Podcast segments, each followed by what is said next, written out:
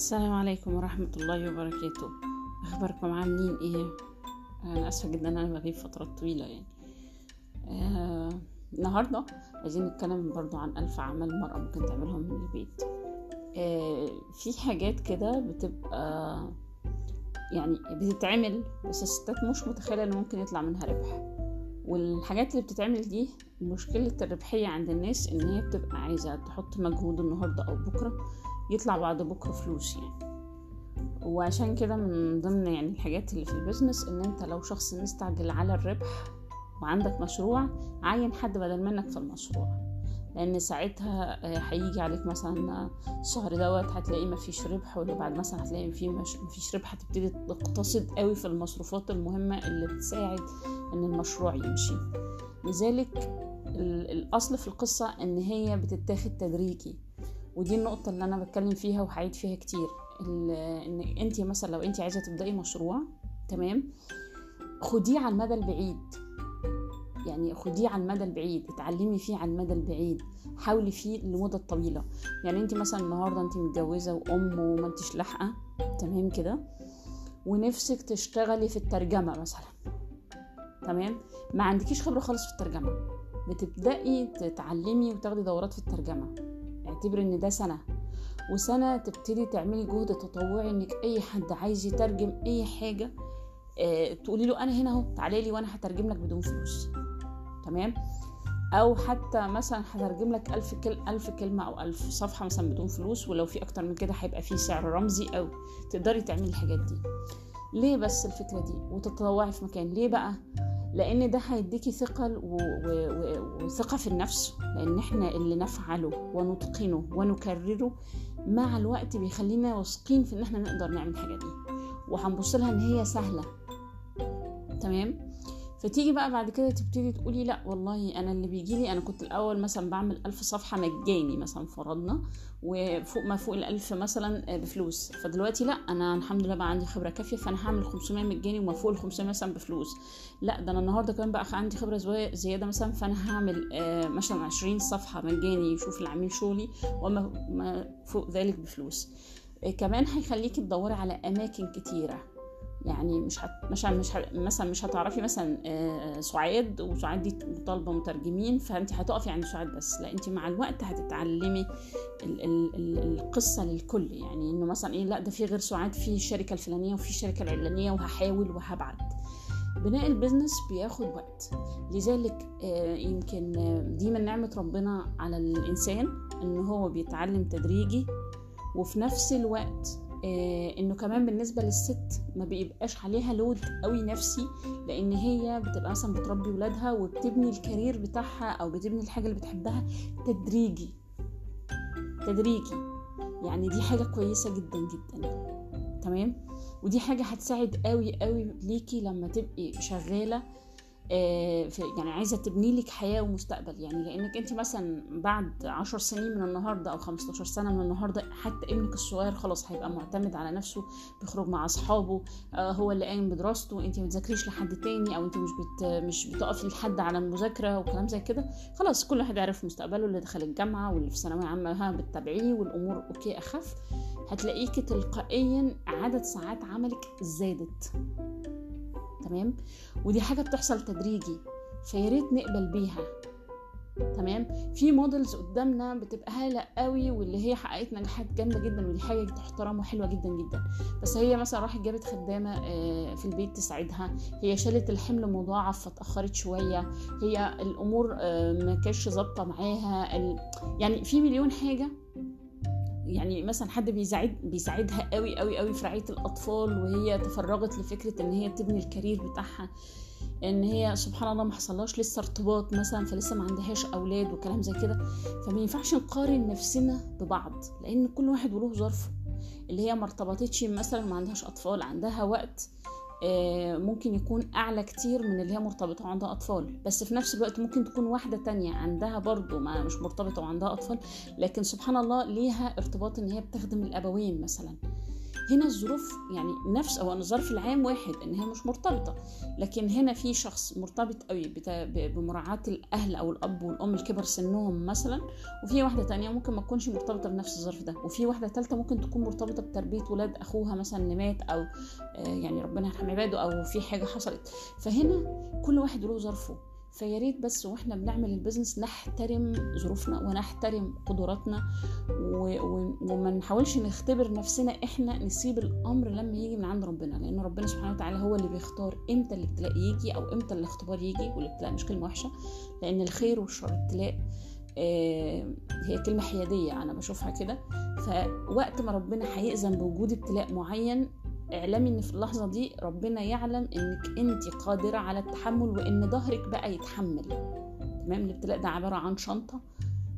يعني وقت ما ربنا بيأذن إنك تشيليها فاعرفي إن ظهرك بيتقوى وإن ربنا عالم إن ده الوقت المناسب لك لكن ما تستعجليش شيل شنطة. انت لسه مش عارفة إذا كانت تناسبك ولا لكن بتبني تدريجي الطريق. تمام بتبني تدريجي الطريق زي الطفل الصغير الطفل الصغير دوت لما بيقف معاكي مثلا بيبتدي يشيل الحاجات البسيطة الخفيفة ومع الوقت بيبتدي يقوى يعني النهاردة شال معلقة بكرة هيشيل مثلا حلة كبيرة وهكذا. انت بقى في اليوم اللي بتقولي له لأ طلع لي الشنطة ال 50 كيلو دي انت اللحظة دي هو انت بتبقي عارفة إن هو يقدر إن هو يشيلها هو عمره ما شالها قبل كده بس من من من رؤيتك فيه وعلمك عنه انت عارفة إن في التوقيت ده يقدر يعمل كده. ما ينفعش بقى هو يجي يعني يحس نفسه إن هو بقى إيه شمشون الجبار وهو مثلا عنده 3 4 سنين يشيل شنطة 50 كيلو مثلا. تمام؟ فاحيانا إحنا بنختار لنفسنا ابتلاء بيبقى صعب علينا قوي. فبلاش تروحوا للحتة دي وحاولوا تبدأوا تدريج حاولوا تبدأوا تدريجي. الأمر مهم جدا جدا. النهارده الجزء اللي إحنا عايزين نتكلم عنه هي فكرة إنه أحيانا في ناس عندها خبرة معينة تمام؟ وبيجي لها أزمة تقدر تستغلها فتستفيد. هو الجزء ده موسمي بس طبعا لو هي ظبطت نفسها على المدى البعيد ممكن ما يكونش موسمي. يعني إيه المثال اللي أو يعني إيه الكلام اللي أنا بحكيه؟ يعني النهارده مثلا في بلدة ما أو في محافظة ما حصل إن في مشكلة في الجبنة والجبنة بطل حد يجيبها مثلا لأي سبب ما والست دي بتعرف تعمل جبنة في البيت هايلة. تمام؟ فهي هي عندها هنا مهارة وهي المهارة دي مارستها كتير تمام؟ والمكان ده ما فيه نقص أو فيه احتياج ما فهي ابتدت تقابل الاحتياج ده إن هي تعمله. هي مع الوقت بتلبيه فلما بيحصل إن هي بتلبيه بكل بساطة بتقدر إن هي تحقق مكاسب معقولة وفي نفس الوقت بتبني لها اسم. ففي ناس بتقدر تستغل لحظة حصل فيها انتكاس أو حصل فيها أزمة أو حصل فيها مشكلة بمهارة عندها تقدر تعمل ده. تمام؟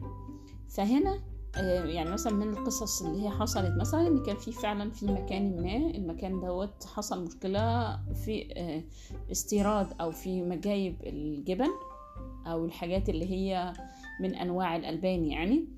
ففي واحدة كانت شاطرة جدا في الموضوع دوت فابتدت تعمل بنفسها جبن وتوردها للمحلات مثلا تقول لهم أنا بعمل كذا وتوردها للأفراد وتكلمهم. الموضوع خد رفض مثلا من المحلات لمدة طويلة لكن بالنسبة على صعيد الأفراد اللي جربوا ده وعجبته خلاص بيشتري منها وكمان بيبقى حابب إنه يشوف المكان ويشوف نظافة الشخص وكلام زي كده.